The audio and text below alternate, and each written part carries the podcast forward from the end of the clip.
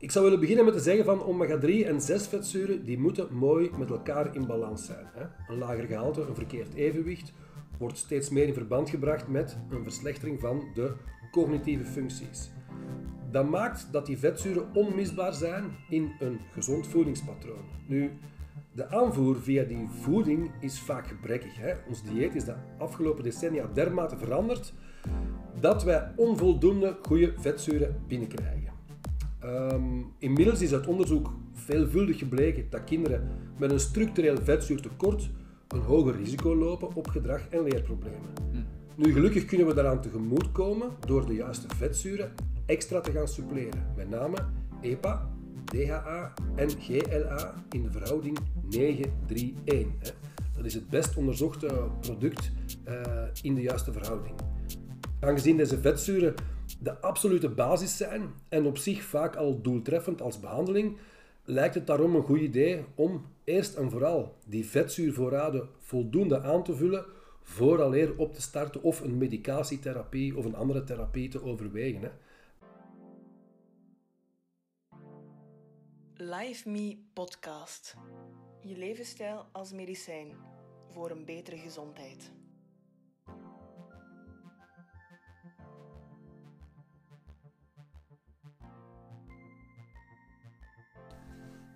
Welkom bij de Live Me podcast. Ik ben Lende Nijs, kinesietherapeut en PhD-student binnen het project van stress, slaap, gezond ouder worden en fysieke activiteit. Samen met het Live Me team zet ik me in om meer bewustwording te creëren rondom de bewezen helende kracht van de levensstijlgeneeskunde. Vandaag gaan we het hebben over het potentieel van omega-3 voor ADHD-behandeling, in plaats van of samen met de conventionele medicamenteuze aanpak. Meer nog, we gaan dieper in op het belang van de juiste formulering van dergelijke supplementen.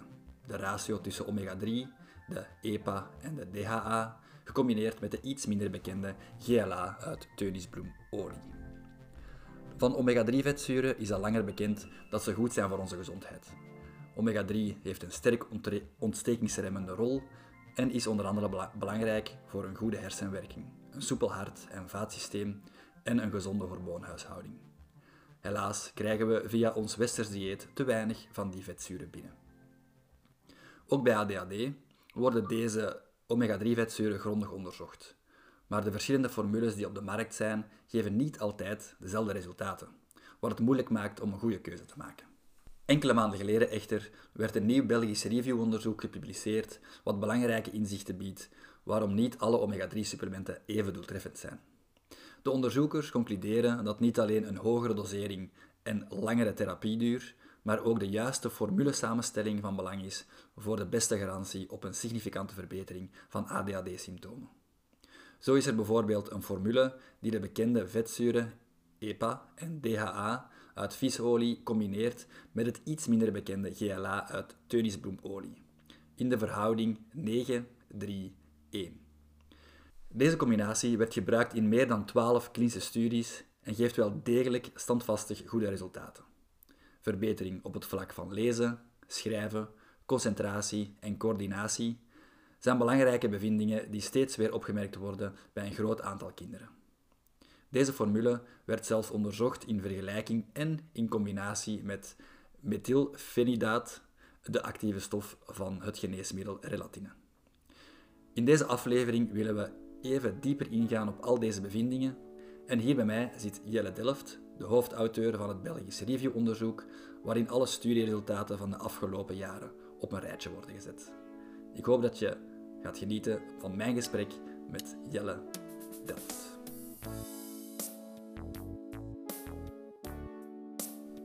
Dank u om tijd te maken en dank u om mij uit te nodigen in uw uh, huis vol met planten en bloemen. Onze jungle gegroeid. Dag. Vertel eens iets over jezelf. Wel, uh, ja, ik ben uh, Jelle Delft en bijna 20 jaar actief binnen de wondere wereld van de nutraceuticals. En nutraceuticals, dat zijn eigenlijk voedingsstoffen waarvan we weten of waarvan we ontdekken en ook onderzoeken dat ze een positieve invloed hebben op onze gezondheid. Het zijn eigenlijk ja, um, voedingssupplementen met een eigen wetenschappelijke onderbouwing, zeg maar.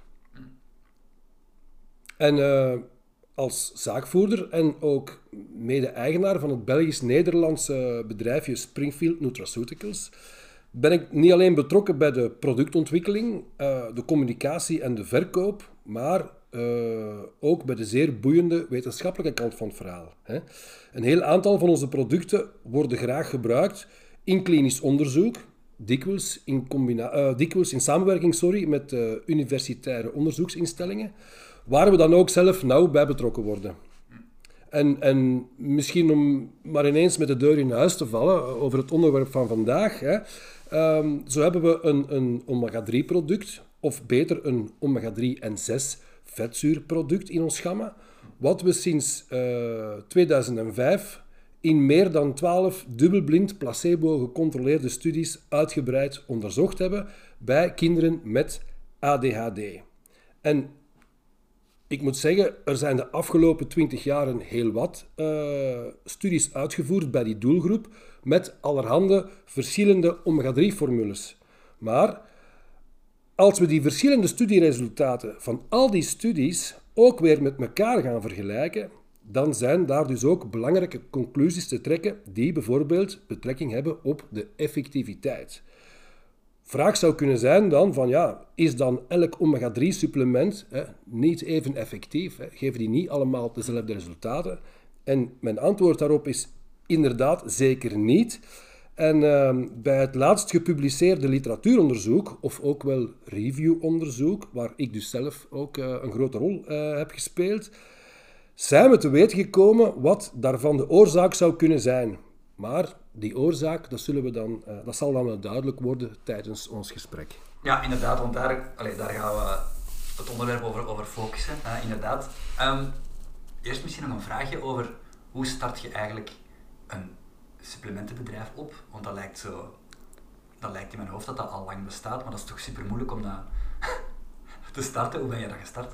Goh, ik moet uh, in ons geval um, heb ik mij aangesloten bij een bedrijf dat al bestond. Dus Springfield Nutraceuticals is een bedrijfje dat opgestart is door mijn collega Peter van Hogerhuis in 1997, als ik me niet vergis, samen met zijn vrouw en met zijn dochter eh, achteraf. En zij waren dus actief in Nederland. Um, en ons eerste supplement was een supplement uh, fosfatidylserine dat blijkbaar een effect had uh, op het geheugen bij oudere mensen. Is ook een vetzuur dat uh, bij oudere mensen een positief effect gaf. Um, en daar waren ook een aantal studies mee gebeurd en Peter vond dat enorm interessant. Daar was nog niemand die dat distribueerde, hier in, de, in Europa zelfs denk ik niemand. Dus hij heeft contact opgenomen met uh, leverancier, de producent en leverancier van, van, van dat product. En zo is hij eigenlijk van start gegaan. Denk ik nu ondertussen 25, meer dan 25 jaar geleden. En een paar jaar later zijn wij met elkaar in contact gekomen en uh, hebben we de handen in elkaar geslagen uh, om ook in België met een aparte entiteit, eigenlijk een, een, een, dochteronderneming, van start te gaan. En daarvan ben ik dus nu ook uh, medezaakvoerder. Cool, oké. Okay. Ehm, ja, nu doen we terug naar het onderwerp. Oké. Okay. Ehm, ja, we gaan het hebben over ADHD, omega-3 en die omega-6, uh, waar jij zelf een review hebt over gemaakt en heb je gepubliceerd in een peer-reviewed journal. Um, maar misschien eerst in het kort, wat is ADHD? En dan kunnen we zo gelijk starten, denk ik. Ja, fantastisch. Um, ik zou de inleiding over ADHD misschien ook niet te uitgebreid willen maken, want ik veronderstel dat mensen uh, die deze podcast zullen luisteren wel voldoende uh, weten waarover het gaat. Dus daarom Misschien heel kort even toelichten dat ADHD een neurologische ontwikkelingsstoornis is die zichtbaar ontwikkeld is hè, tijdens de kindertijd. Uh, we kunnen daar drie subtypes in onderscheiden. Zijn de enerzijds ADD, de, de, de, de kinderen of, uh, met concentratie, aandachtsproblematiek. We hebben ook de, de, de gedragsproblematiek met hyperactiviteit, impulsiviteit, dat is een tweede groep. En dan de derde groep is dan de, uh, het gecombineerde type, hè, zoals men dat zegt. Um, waarbij heel duidelijk is, dat, uh, daarom zeg ik ook graag de, de, H van hyperactiviteit in ADHD tussen haakjes, want die, die groep met concentratiestoornissen die is beduidend veel groter dan de groep die ook um, hyperactieve of impulsieve problemen heeft. Wat misschien wel interessant is, ja, wat misschien wel interessant is, is dat in 60 tot 80 procent van de gevallen de symptomen doorlopen van ADHD, de symptomen doorlopen van de kindertijd tot in de volwassen leeftijd. Dus het is, eh, veel mensen zeggen van ja, maar ja, als je volwassen wordt, dan groeit je daaruit. En in sommige gevallen klopt dat ook wel, maar in veel gevallen blijven volwassen mensen gewoon hun, hun, hun ADHD behouden. Het is dan alleen minder opvallend omdat we als volwassen persoon daar anders mee hebben leren omgaan. En ik, ik, weet niet of dat je dat weet, maar ken jij de, de, de vijf meest gebruikte zelfhulpmiddelen bij ADHD? Cannabis. Ja, onder andere. Onder andere. Uh, ik zal het misschien even helpen. Dus sporten. Hè, mensen gaan... Uh, sporten is zeker een, een, een, een, een zelfhulpmiddel wat veel gebruikt wordt. Hè. Musiceren of, of creatief, heel creatief zijn. Veel ADHD'ers zijn zeer creatief en gaan daar ook uh, enorm in op. Uh, helaas is alcohol en roken... Uh, zijn er veel mensen die daarnaar grijpen om zich wat onder controle te krijgen. En dan, ja, zoals je zelf al aangaf, cannabis um, wordt ook veel gebruikt. Het is zelfs zo dat het risico op het ontwikkelen van een verslaving bij kinderen, mensen met ADHD, ja, dus twee keer zo hoog is dan bij uh, mensen die geen uh, ADHD-probleem hebben. Ja, en dan komt het eigenlijk al meteen zo want sommige krantenkoppen of, of in school hoor, heb ik toch geleerd zo van ja, ADHD is eigenlijk helemaal niet zo slecht. Dat zijn gewoon actieve mensen. Maar dat is wel effectief een, een uh, klinisch probleem. Ja, absoluut. Hè. Um, ik heb soms de indruk dat men als, als tegengeluid, hè, wordt ADHD wel eens graag verbloemd. In de zin uh, dat men zegt van ja, ADHD heeft wel een aantal voordelen, want ze zijn heel creatief, zoals ik al zei. ADHD'ers hebben dikwijls een, een groot empathisch vermogen, oog voor detail. Uh, dikwijls hebben zij ook een uitgesproken talent. Maar je gaat me nu niet vertellen dat al die kinderen, of al die mensen, hè, want ik spreek dan toch graag niet alleen over kinderen, hè, dat die dan heel gelukkig gaan zijn in hun situatie. En uh, ja, de vraag die dan rijst, is dan, ja, stel dat we het percentage ADHD kunnen doen dalen, ja, zouden dan veel van die kinderen niet gewoon gelukkiger zijn? Hè? Hmm. Dat is een beetje uh, het idee eigenlijk. Ja, als je alleszins al de juiste tools kunnen aanreiken om daar beter mee om te gaan, of de symptomen te verlagen. Ja, correct, correct. Ja, want um, omdat je zegt om, om de symptomen te verlagen, en dan zal denk ik een heel aantal mensen direct denken aan, aan geneesmiddelen. Ja omdat dat, eh, ADHD, dan denkt mensen direct aan, aan uh, relatine, methylfenidaat. Um, en, en inderdaad, hè, eind de jaren 90 dacht men de oplossing gevonden te hebben uh, met de promotie van methylfenidaat voor die doelgroep. En dat klopt, hè, de nodige dosis relatine zorgt inderdaad dat die kinderen rustiger worden en dat ze zich beter kunnen concentreren. En ik kan u verzekeren, in sommige gevallen, en zeker in sommige extremere gevallen, kan zo'n geneesmiddel wel heel erg welkom zijn. Hè. Ik kan u verzekeren dat, dat bij gezinnen um, waarbij gezinssituaties op ontploffen staan door één of meerdere kinderen met een zeer ernstige hyperactieve stoornis, ja, dat, die, dat die wel enorm kunnen geholpen worden. Niet alleen dat kind, maar heel dat gezin, heel die situatie, ook de klas, de, de, de, de, de, de, de onmiddellijke omgeving, door een, een geneesmiddel uh, te kunnen gebruiken wat die kinderen een stuk kan kalmeren. Nu, wat mij daarentegen wel zorgen baart, is dat de helft tot drie vierde van de ADHD-patiënten, dat die dus effectief ook relatine neemt. En dat vind ik dan wel, uh, uh, ja, toch, toch wel uh, iets dat me, dat, dat me ernstig zorgen baart. Ja, ja. Mm. Maar het is wel zo dat bij het nemen van relatine, of methylfenidaat alleszins, dat daar toch een boel nadelen aan kunnen verbonden zijn. En dan zien we inderdaad dat uh, methylfenidaat slechts, of slechts, of voor 70% van de patiënten ook wel degelijk effectief is. Dus 30% van de patiënten heeft er helemaal geen baat bij. Um, een ander nadeel is dat het werkt maar enkele uren. Het is dus niet iets dat op lange termijn, uh, als je het dan veel blijft geven natuurlijk wel, maar um, er is ook een heel groot risico op negatieve bijwerkingen. Um, onder andere eetproblemen, die dan een, een uh, directe invloed kan hebben op de groei van die kinderen. Uh, slaapproblemen zijn dikwijls, uh, worden dikwijls vastgesteld.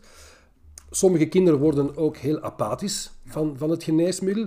En, en ja, één op drie van die kinderen ervaart dus een, minstens één of meerdere negatieve bijwerkingen. En, en onlangs hebben wetenschappers ook ontdekt trouwens dat de hersenen blijvend zouden kunnen veranderen door langdurige inname van methylfenidaat.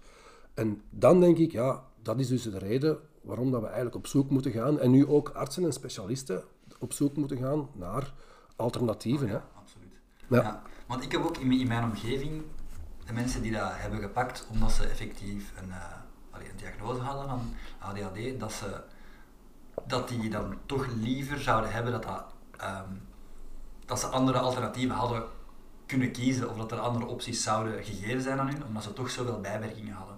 Maar dat het eigenlijk alleen maar relatine Voorhanden was. voorhanden was. Ja. Dat ze dat dan maar genomen hebben. Dus ja, alternatieven is toch een goed idee.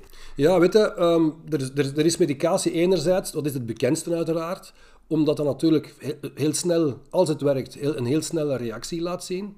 Ehm, wat dat dikwijls eh, de omgeving, hè, onder druk van eh, ouders, maar ook dikwijls onder druk van, van, van leraars, die zeggen van ja, geef hem al gauw een pilletje dat hem in mijn klas wat rustiger wordt. Ik snap dat wel, hè, dat is uiteraard allemaal te begrijpen, Ehm, maar uiteindelijk is dat ja, voor dat kind of voor die persoon zelf niet altijd eh, voordelig. Hè? Zeker niet als je weet dat er toch ook via andere kanalen ook, eh, ik zeg niet oplossingen, maar toch, toch hulpmiddelen bestaan die kunnen zorgen voor dat die symptomen veel minder, minder, hoog, minder hoog opspelen. Ehm, en dan denk ik ja, dat voeding een enorme rol kan spelen daarin. Je hebt natuurlijk ook de, de mm, gedragstherapie en dergelijke. Daarvan is dat iets minder aangetoond, of die resultaten waren iets minder significant, maar dat wil niet zeggen dat het altijd in, een- in een multidisciplinaire aanpak wel, wel eh, zijn nut kan hebben. Maar dus dan heb je medicatie, je hebt je, eh, gedragstherapie eh, en dan voeding. Hè. En over voeding is eigenlijk, was tot op ja, tot op de, de afgelopen jaren heel weinig geweten. Maar ehm, in 2011 kwam Lidie Pelster, dat is een onderzoekster uit Nederland, heeft zij een, een, artikel gepubliceerd, een onderzoek gepubliceerd in eh, The Lancet, toch een, een, een, niet onbekend vakblad, hè, een gene- geneeskundig vakblad, ehm, waarin zij aantoont dat 60 tot wel 80 procent van ADHD-patiënten een voedselovergevoeligheid zouden hebben die ADHD in de hand kan werken. En, die, die, die, die, voed, die, voedingsstoffen waar kinderen eh, overgevoelig voor zijn, ja, die, die waren heel uiteenlopend. Dus je, je kan daar geen eenduidige lijn in trekken van het is dat, dat soort voeding of, of die voedingsstoffen. Hè, dat was voor elk kind was dat wel verschillend. Maar mits een zeer streng dieet kon men gaan uitzoeken hè, voor welk kind wat stoorde. En dan eh, kon men zo het dieet gaan aanpassen.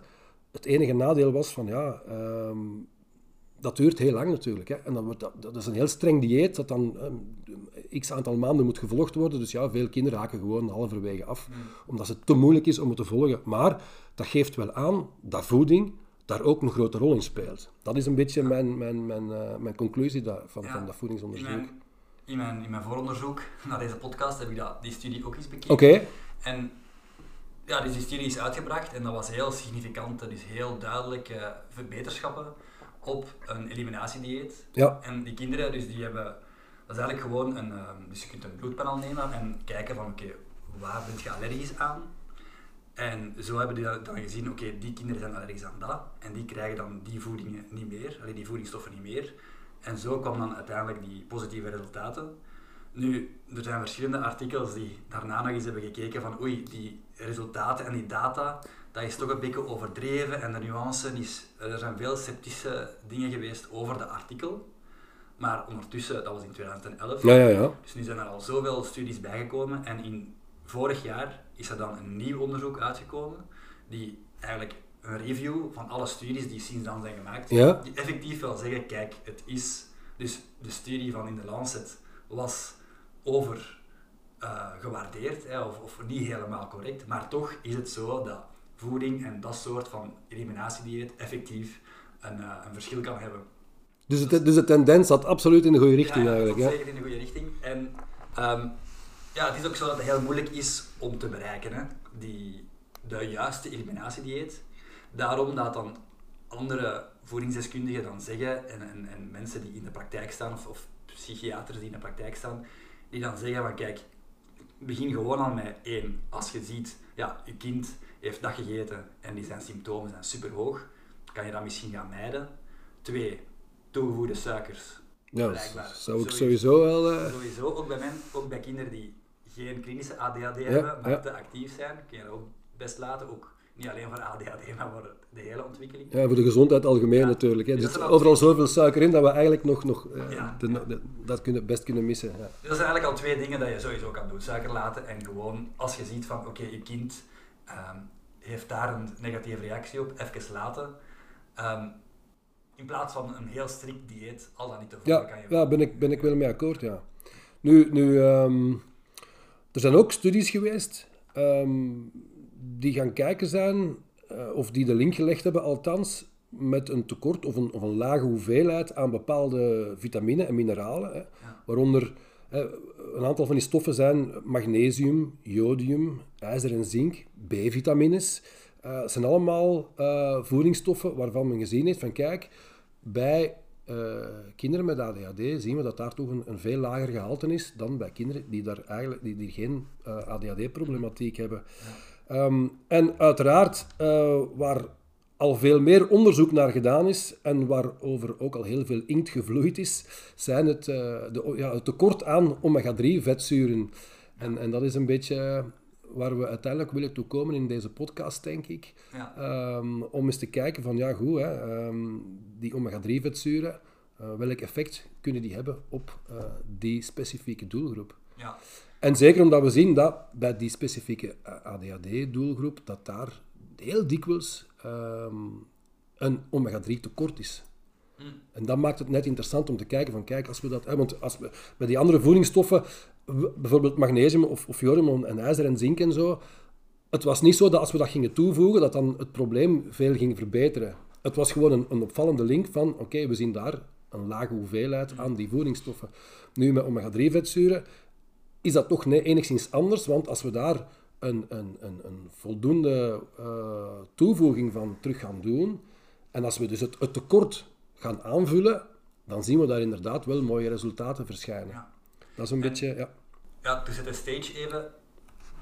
Je bent helemaal niet iemand die zegt, relatine of andere geneesmiddelen gaan we helemaal weglaten en omega-3 is het ding.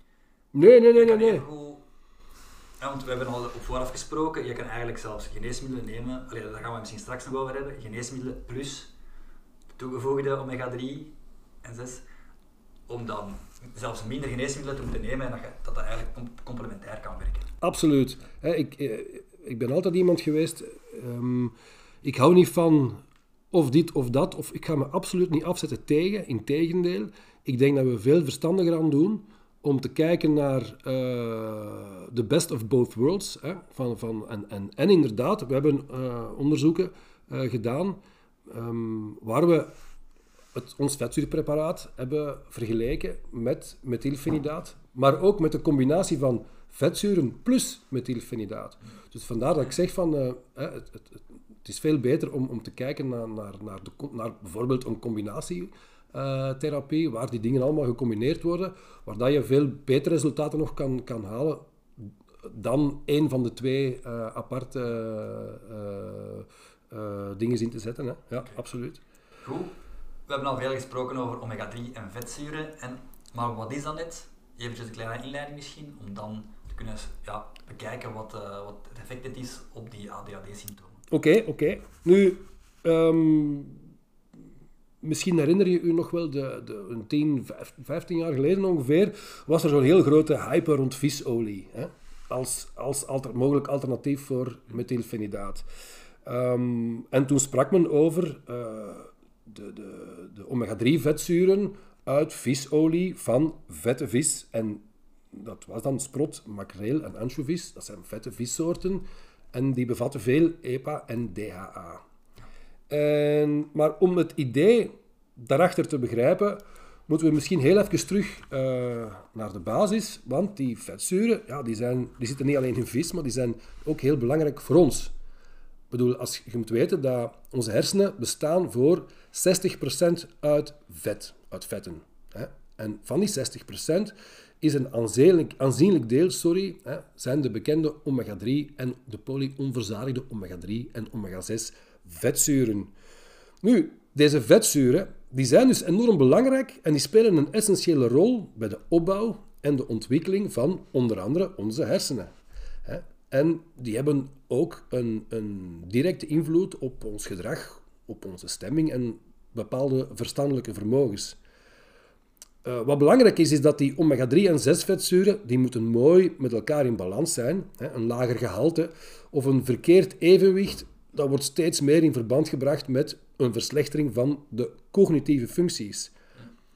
Maar bijvoorbeeld ook onze ogen bevatten veel DHA, dat is een van die vetzuren. Hè. Dus, uh, en, en trouwens, in uh, de celwand van elke lichaamcel in ons lichaam zitten ook omega-3 en 6 vetzuren die daar belangrijke functies uitvoeren. Uh, ja. Ogen en hersenen het meeste. Ogen en hersenen het meeste, maar in elke celwand, daar zit, hebben de, de vetzuren spelen daar ook een enorme grote rol. En die, die vetzuren die halen wij wellicht uit onze voeding? Wel, ja. Um, ja, een goede vraag. Hè. Waar halen we die vetzuren dan vandaan? Wel, in principe zal de moeder haar ongeboren kind er al uh, van voorzien tijdens de zwangerschap via de placenta. Dus dat wordt doorgegeven van de moeder naar een baby. Hè. Um, maar na de geboorte zijn de kinderen eigenlijk afhankelijk van hun dieet, hun dagelijkse voeding, hè, voor de toevoer van vetzuren voor de verdere ontwikkeling. Dus dat blijft wel belangrijk, dat we die blijven binnenkrijgen. Uh, want we kunnen die vetzuren onvoldoende en sommige vetzuren zelfs helemaal niet aanmaken. Hè. Dat is via borstvoeding dan, bij de baby? Ja, bij de baby kan dus ja, enerzijds de foetus gewoon via de, uh, via de placenta en dan uh, daarna via de borstvoeding. En daarna is dat via de voeding. Hè.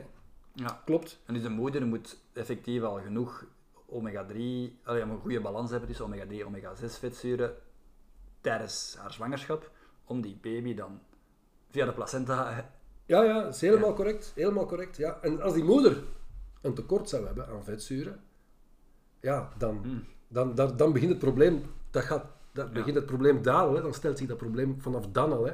Want dat, dat vetzuurtekort kan wel aangevuld worden door voeding, dat veel omega-3 en uh, omega-6, uh, de juiste omega-6, want daar gaan we het straks nog even over hebben, hmm. bevat. Want daar is dan ook nog veel verschil in natuurlijk. Um, maar ja, als, als die moeder een tekort heeft, ja, dan gaat dat tekort, dan blijft dat gewoon doorlopen van generatie op generatie. En zo krijg je dan een, een, een probleem dat ja, dan gewoon een vicieuze cirkel wordt eigenlijk. Ja. Interessant. Um, ja, dus krijgen we borstvoeding, daarna uit gezonde uh, voedingsbronnen, uh, allee, vetzuurbronnen. Um, ja, misschien kunnen we nu al meteen zeggen wat dat, waar dat dan net in zit. Dus je hebt al gezegd kril, uh, vette vis, de smashvissen haal ik altijd aan. Hè. Zalm, makreel, anchovies. Ja. Uh, Wel, haring. Ik zal, ik zal even toelichten, want je hebt enerzijds de plantaardige bronnen. Zijn de lijnzaadolie bijvoorbeeld, hè, olijfolie, chiazaden, walnoten. Hè, die bevatten um, bepaalde basisvetzuren. Maar die, die, die basisvetzuren die moeten nog in ons lichaam omgezet worden naar en dan kom ik op de, de, de vetzuren EPA, DHA en hmm. GLA. Ja. Nu, het probleem is dat die, die, die, die basisvetzuren worden moeilijk omgezet. Daarom dat wij adviseren van kijk, visolie, krilolie, uh, calanusolie bijvoorbeeld ook, teunisbloemolie in het geval van GLA, die bevatten al die, die, uh, die vetzuren die ons lichaam uh, direct kunnen gebruiken. Hmm. Dus daarom zeggen we van ja, je kan eigenlijk beter EPA en DHA uit bijvoorbeeld visolie uh, nemen en GLA uit teunisbloemolie, want ons lichaam moet dan die omzetting van die basisvetzuren niet meer maken. Ja, dat, is een beetje, dat is een beetje een, een, een, het verhaal over uh, de omzettingsstructuur van die vetzuren. Um, dat is niet zo efficiënt, bedoel je? Ja, die omzetting gebeurt niet efficiënt, inderdaad. Of zelfs in sommige gevallen helemaal niet. Um, vandaar dat wij adviseren van, kijk, als er een tekort is en je wilt dat tekort aanvullen, dan gaat dat het snelste gebeuren door middel van visolie of, of krilolie en in het geval van GLA, van teunisbloemolie bijvoorbeeld. Want eigenlijk het probleem is een beetje ontstaan met de opkomst van de industrialisering, hè, is onze voeding um, enorm veranderd. Uh, er is dus een groot onevenwicht ontstaan tussen de inname van die verschillende vetzuren, van sommige veel te veel, van sommige veel te weinig, wat maakt dat er uh, ja, bepaalde ontstekingen kunnen ontstaan. En dan, dan bedoel ik niet alleen gewrichtsontstekingen zoals reuma of artrose, of huidontstekingen zoals eczeem, maar er kunnen ook ontstekingen ontstaan, de, de, de lage graad, de low-grade inflammation, zoals mhm. men dat zegt, in onze hersenen. En die ontstekingen die kunnen daarvoor veel problemen zorgen tijdens de, de, de informatieoverdracht tussen de hersencellen. De, de neurotransmissie of de prikkeloverdracht, uh, die kan verstoord worden door een, uh, een, een, een foute vetzuurbalans eigenlijk. En wat zijn die slechte voeding?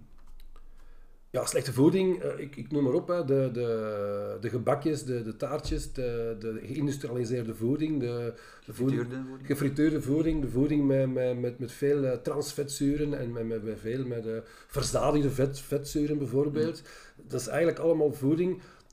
Pas op, hè, al die vetzuren zijn belangrijk, maar krijgen we er van een bepaalde soort vetzuren te veel binnen, dan krijgen die eigenlijk een pro-inflammatoire karakter. Ja. Dat is een beetje het verhaal. En ons uh, dieet, voor, ons, ons hedendaags dieet voorziet ons dus in, in veel te veel van die vetzuren, van die vetzuren die eigenlijk pro-inflammatoire uh, worden, waardoor ja, heel ons lichaam uit balans geraakt, dus ook onze hersenen. En, en dan krijg je ja, verstoringen. Hè. En die, die overmaat van pro-inflammatoire vetzuren, dat zijn die omega-3 vetzuren, uh, omega-6 um, vetzuren. Um, want ja, ik dacht eerder, voor ik met u had gepraat, dat omega-6 eh, krijgen we te veel binnen in onze voeding. Um, de ratio moet goed zijn. Ja. Maar in mijn hoofd had ik al meteen gezegd, omega-6 is dus slecht. ja, dat klopt. Kan je hè? dat even coveren? Ja, ja dat, maar dat klopt. Wat je zegt, dat klopt. Omega-6 aan zich is goed.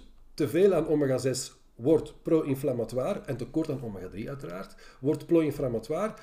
Er is één uitzondering binnen die omega-6-familie en dat is gamma-linoleenzuur. En GLA, waar ik het daarnet ook al even over had, mhm. dat is de enige uitzondering binnen die omega-6-familie die een anti-inflammatoire karakter heeft. Ah. Ja, daar kun je ook niet te veel van binnenkrijgen. Integendeel, we hebben in studies hebben laten zien dat ook GLA uh, dat we daar ook allemaal, of dat er heel veel mensen en kinderen daar een tekort aan hebben. Want GLA wordt ook doorgegeven van uh, de moeder naar het kind. Hè. Um, ja, ah, ja. En ja, dat loopt ook via die weg.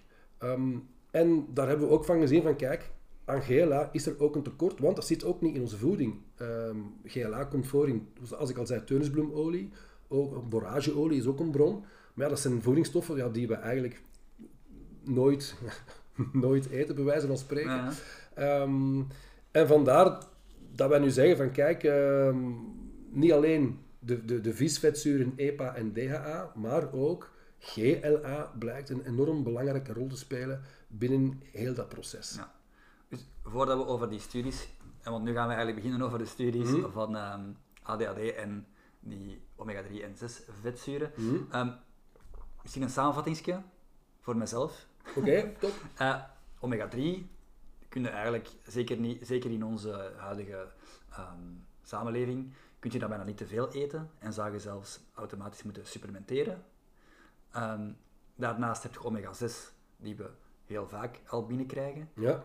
Die ratio tussen omega-3 en omega-6 hoort een bepaalde balans te zijn en een overvoed aan omega-6 is dan niet goed. Ja, dat wordt pro-inflammatoire. Ja. ja. Behalve... behalve, je hebt dan die GLA. Ja. Um, die, eigenlijk, die we niet te veel kunnen nemen en dat eigenlijk ook een anti-inflammatoire is. Ja. Oké, dus die ratio. En dan binnen die omega-3 heb je nog eens EPA, EPA, EPA en DHA. Ja, EPA is eicosa pentaeenzuur en DHA is docosa hexaeenzuur. En ik zal dat heel kort even vertellen. Hè. Um, DHA, docosahexaenzuur, is eigenlijk een structureel vetzuur um, dat belangrijk is bij de, de opbouw en, en de structuur van onze hersenweefsels. Dus uh, van foetus tot baby van 2, 3 jaar is DHA van belang, want dan vindt de grootste groei van onze hersenweefsel hmm. plaats. Dus dan, dan moeten we heel veel DHA krijgen, want om, dat, om die hersenen goed te kunnen op, op te kunnen bouwen. Hè. Um, vanaf een jaar of 4, 5... Dat is uit borstvoeding In- Borstvoeding. In eerste instantie. Ja, uiteraard eerste instantie borstvoeding, hè, uiteraard.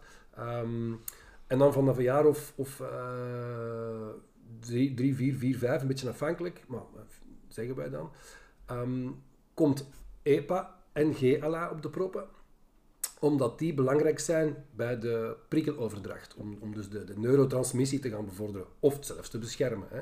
Ehm, er zijn bepaalde immuuncellen van ons centraal zenuwstelsel, hebben we gezien ook in onderzoek, in, in Frankrijk trouwens, die hebben gezien dat eh, die microgliacellen, waar ik het net over heb, dat die vooral EPA bevatten of EPA verbruiken.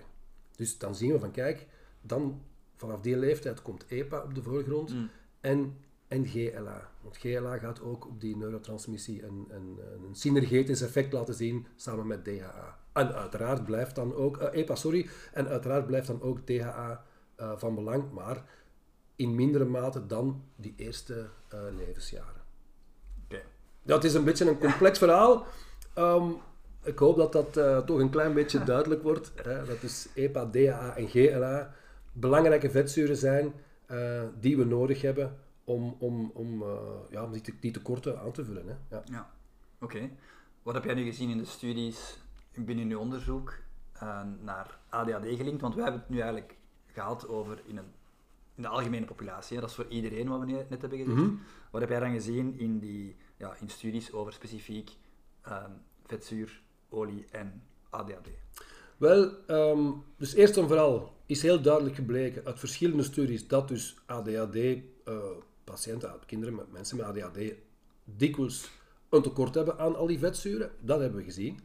Ehm, en in, in, in 2005 verscheen er een, een eerste heel grote studie eh, ehm, met een specifieke vetzuurformule. eh, eh, die aantoonde dat kinderen met een bepaalde achterstand op school, dat die baat hadden bij het nemen van die vetzuurcombinatie met EPA, DHA en GLA. En die kinderen die kregen drie maanden lang die capsules te- te slikken. En wat bleek, na een, een zestal weken merkten ze duidelijk verandering. En het was niet, die verandering was niet voor elk kind hetzelfde. En het was ook niet de oplossing voor elk kind, maar voor meer dan 60% van die kinderen met, met, met een achterstand, met, met, met problemen, gaf dat duidelijk wel goede resultaten. Dus er was een, een responsratio van om en bij de 60%. Als je weet dat de responsratio van eh, het geneesmiddel methylfenidaat 70% is, dan is die 60% eigenlijk voor een, voor een voedingssupplement hè, ze- zeer hoog. Hè? Ja.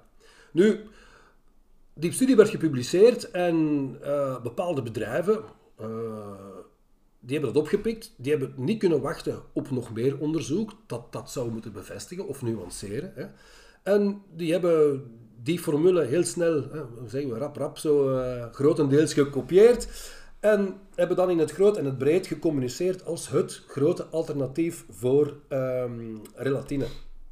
Nu, het enige waar ze niet goed naar gekeken hebben, is de formule samenstelling. Want iedereen dacht dat eh, omega-3-vetzuren EPA en of DHA voldoende zouden zijn, omdat die ook in veel hogere mate daarin zitten. Hè. Dus men dacht van ja, EPA en of DHA zal wel voldoende zijn. Ehm, dus die gingen dan massaal die producten verkopen als alternatief voor eh, relatine. Maar een aantal jaar later liet de praktijk toch eh, anders uitschijnen. En, en, en ja, de, de resultaten lieten op zich wachten. En, en ja, ondertussen is heel die visolie-hype compleet eh, bekoeld. Dus ja, dan was dan de vraag van oei, het werkt dan toch niet zo goed. hè. Ik was gisteren nog op een congres. Ook daar zag ik een, een, een, een, een kinderpsychiater die me vroeg van ja, kijk, zegt ze, ik heb al eh, heel veel verschillende van die visolieën van verschillende merken geprobeerd, maar telkens eh, was er eigenlijk geen effect te bespeuren. Ehm, tja, ondertussen zijn er acht grote wetenschappelijke reviews, dat zijn, zijn evaluaties, hè, eh, verschenen, ehm, die al die verschillende studies met al die mogelijke vetzuurformules uiteindelijk met elkaar hebben vergeleken. En wat was dan hun gezamenlijke verdict? Wat wij dan ook gezien hebben in onze publicatie, dat was een bevestiging, dat eigenlijk de, de, de, de omega-3-vetzuren EPA en DHA geen of slechts een klein effect hadden bij ADHD. Behalve de formule met een hoog aandeel EPA, iets lager aandeel DHA en de combinatie met GLA, uit teunisbloemolie, in die specifieke verhouding. Ehm, dat was een formule die wel degelijk uh, goede resultaten neerzette in alle studies die daarmee gebeurd zijn. En laat dat nu ja, die eerste formule zijn waar heel het verhaal uiteindelijk mee begonnen is. Hè, dus ehm, dan zien we, uh, jaren later kwam eigenlijk aan het licht uh, hoe dat het mogelijk was dat dus omega-3 wel een werking heeft, maar vooral in combinatie met die GLA. Dus die GLA speelt een grotere rol dan dat iedereen ooit had kunnen, kunnen verdenken eigenlijk. Mm. Ja. Ja, dat is wel... Allee, ja, ik was ook eens aan het denken dat zo... Dat zo soms is het zo dat, dat je zo één bevinding hebt van een studie, dat dan wordt weerlegd door andere studies. En terecht, omdat het gewoon een, een, ja, een toevallige vondst was. Maar nu is het zo omgekeerd precies, dat het dus eigenlijk al juist was. Dat dan eigenlijk de bevindingen allee, daarna zijn eigenlijk gewoon fout gekopieerd. En, allee, ja, dat, het was een beetje het probleem. Het was een beetje het probleem van, van de industrie. Waren enorm veel cowboys. Nu is het allemaal een heel stuk beter, gelukkig. Maar er waren enorm veel cowboys toen op de markt, 15, 15 jaar geleden. Die allemaal een graantje wilden meepikken van dat nieuws. Van kijk, hè, die omega-3 vetzuren doen iets bij ADHD. Dat was een heel grote doelgroep. Um, veel van die, van, die, van die bedrijven hadden goede contacten bij, bij de media. En, en dat werd dan uh, wijd en breed verspreid. Dat omega-3 een effect had bij ADHD.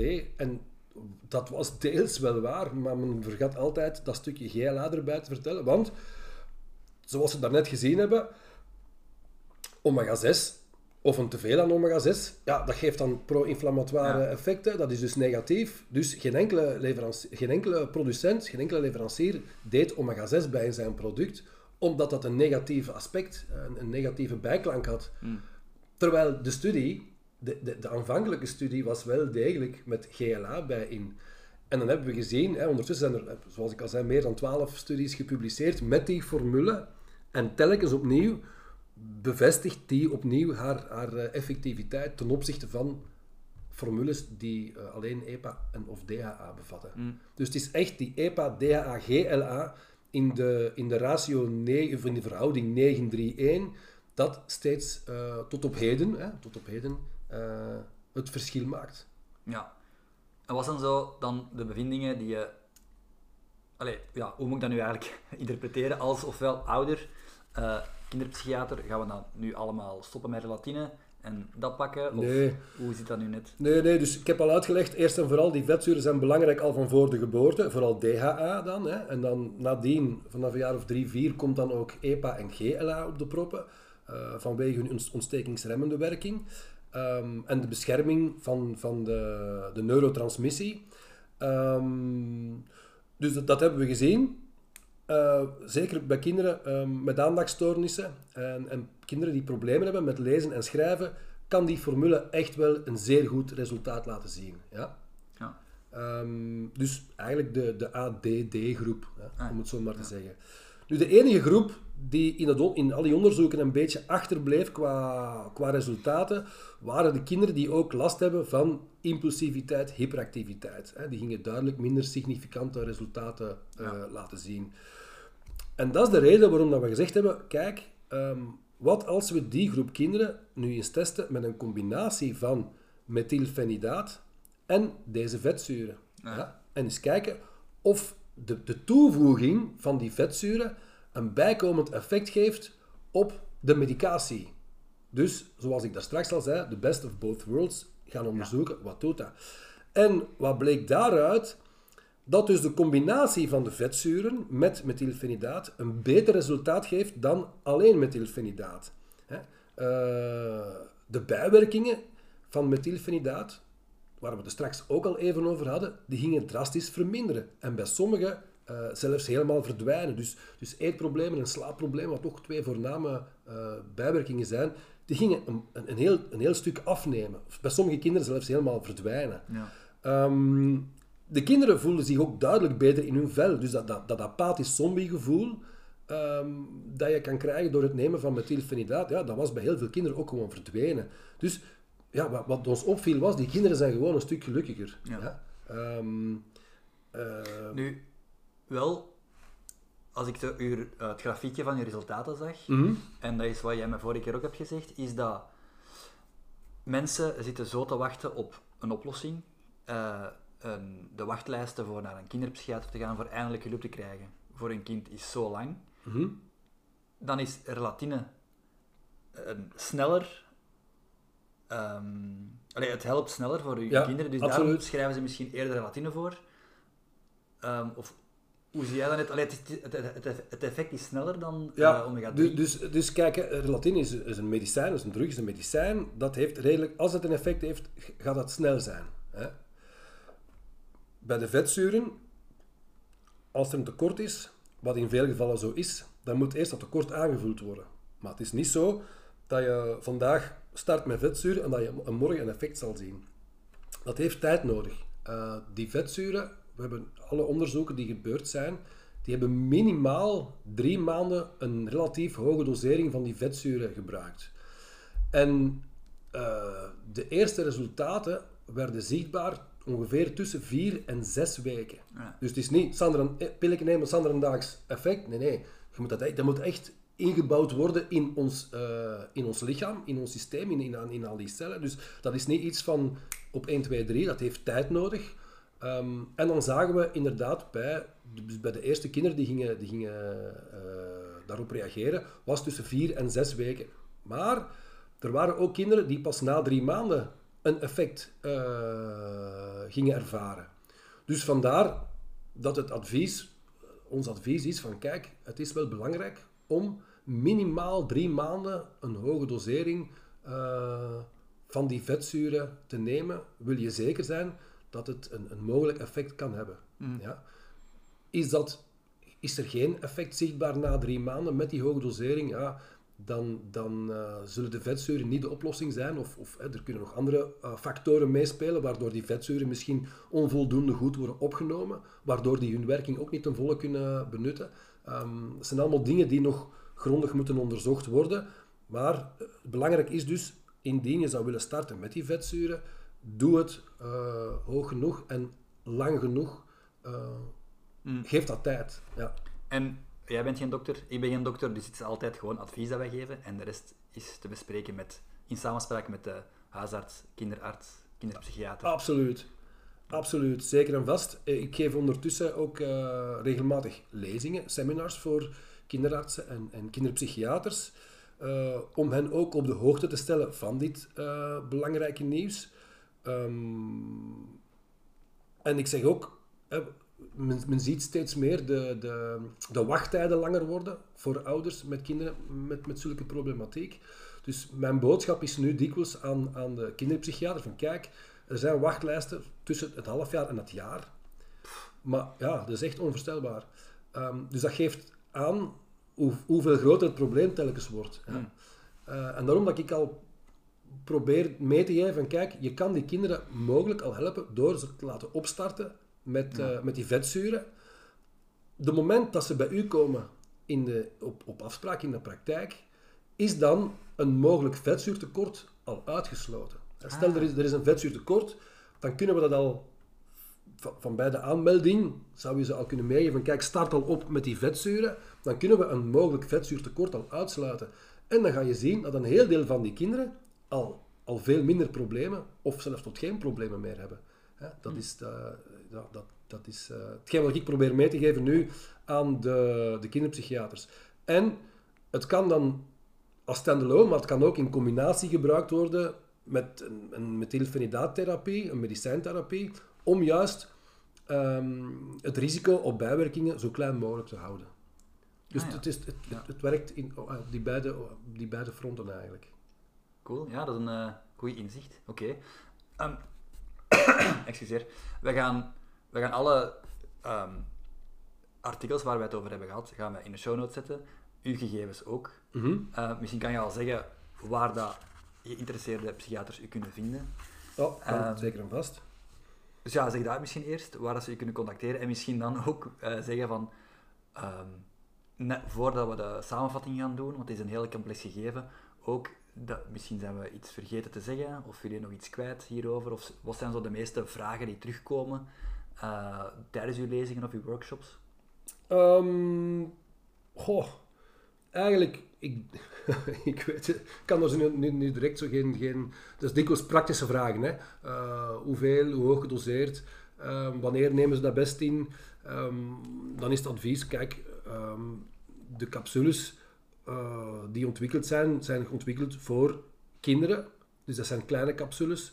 Vandaar dat wij adviseren van kijk, hè, eh, neem drie capsules s morgens, kleine capsules van 500 milligram, en, en, en drie capsules s'avonds. Um, gedurende minimaal drie maanden. Dat, zijn eigenlijk de, dat is eigenlijk het allerbelangrijkste uh, advies dat ik kan meegeven op dit ogenblik. En het kan samen, uh, het kan dus alleen of samen met methylfenidaat. Moest het zijn dat er overwegen wordt om het samen met methylfenidaat te geven, ja, dan, dan is ons advies ook om te zeggen van, geef het niet tegelijk. Hè. Laat er een paar uur tussen eventueel. Tussen, tussen de inname van de vetzuren en de inname van methylfenidaat. Want we hebben gezien in, uh, in onderzoek, bij, vooral bij de, de, uh, de regulated release, de, de, de, de langdurige afgifteproducten van, van methylfenidaat, dat de vetzuren daar mogelijk een minimale interactie kunnen geven, waardoor de werking van methylfenidaat iets minder zal zijn. Op korte termijn. Op lange termijn, als je ze gewoon naast elkaar uh, zou geven, zien we dus dat de toevoeging van vetzuren eigenlijk on de long term het resultaat nog beter maken dan alleen de methylfenidaat. Dus vandaar advies is uh, hoog doseren, lang volhouden en moest het gecombineerd worden met methylfenidaat, neem het niet tegelijk in, maar laat er een paar uur tussen. Oké. Okay. Dat is een beetje een... Uh, praktisch advies. Het praktisch advies, ja, absoluut. Um, mensen kunnen me terugvinden. Uh, ja, Springfield Nutra, dat is de, de website waar men ons kan vinden. Um, daar staan al onze gegevens op. Mm. Um, uiteraard hebben we goede informatie ter onze beschikking, maar die kunnen we niet allemaal altijd uh, laten lezen aan, aan, aan de consumenten, van de patiënt, omdat wij door de Europese wetgeving uh, restricties hebben gekregen qua claims op voedingssupplementen. Dus wij mogen zomaar niet, ik mag hier nu alles vertellen, maar ik mag hier geen merknaam noemen. Um, en dat heeft te maken om de patiënt te beschermen, uh, wat ik ook wel begrijp uiteraard. Mm. Nu, professionals die kunnen bij ons wel alle wetenschappelijke info verkrijgen uiteraard. Mm. Dus dat is geen enkel probleem. Okay. Dus via die weg kunnen ze ons gewoon uh, contacteren. Oké. Okay. Misschien nog een kleine samenvatting maken en ook, want voor mensen misschien die voor het eerste keer iets horen voor, uh, over die vetzuren, beginnen bij omega-3 en dan zo u een korte overzicht maken van de studies en de praktische aanbevelingen voor ADHD? Oké, ik ga dat proberen, hè, want het is, het is een heel complex verhaal uh, met veel ins en outs en maren. dat besef ik heel goed. Um, ik zou willen beginnen met te zeggen van omega-3 en 6 vetzuren die moeten mooi met elkaar in balans zijn. Hè. Een lager gehalte, een verkeerd evenwicht, wordt steeds meer in verband gebracht met een verslechtering van de cognitieve functies. Dat maakt dat die vetzuren onmisbaar zijn in een gezond voedingspatroon. Nu, de aanvoer via die voeding is vaak gebrekkig. Hè? Ons dieet is de afgelopen decennia dermate veranderd dat wij onvoldoende goede vetzuren binnenkrijgen. Um, inmiddels is uit onderzoek veelvuldig gebleken dat kinderen met een structureel vetzuurtekort een hoger risico lopen op gedrag en leerproblemen. Hm. Nu, gelukkig kunnen we daaraan tegemoetkomen door de juiste vetzuren extra te gaan suppleren. Met name EPA, DHA en GLA in de verhouding 9-3-1. Dat is het best onderzochte product uh, in de juiste verhouding. Dat bestaat in slikcapsules, in koukapsules, in, een liquide vorm met citroensmaak. Dus uh, er zijn voor elk wat wils. En ja, zoals ik al zei, aangezien deze, de, aangezien deze vetzuren de absolute basis zijn en op zich vaak al doeltreffend als behandeling, uh, lijkt het daarom een goed idee om eerst en vooral die vetzuurvoorraden voldoende aan te vullen vooraleer op te starten of een medicatietherapie of een andere therapie te overwegen. Hè. En, en in beide gevallen kunnen die vetzuren dus een belangrijke rol vervullen. Um, belangrijk daarbij is hè, dat uh, de juiste formule wordt gebruikt en voldoende hoog uh, en lang wordt ingenomen. Ja dat is een beetje mijn uh, samenvatting van ons, uh, ons gesprek. Oké, okay, goed, dankjewel. Um, ik heb er veel aan bijgeleerd. Dat is echt iets helemaal nieuw voor mij. Uh, zelfs na het inlezen is het nog altijd uh, een beetje zoeken en een beetje nadenken over wat het net is. Maar we gaan sowieso, je kan deze podcast herbeluisteren. Of ook, we gaan alles, alle informatie in de show notes zetten.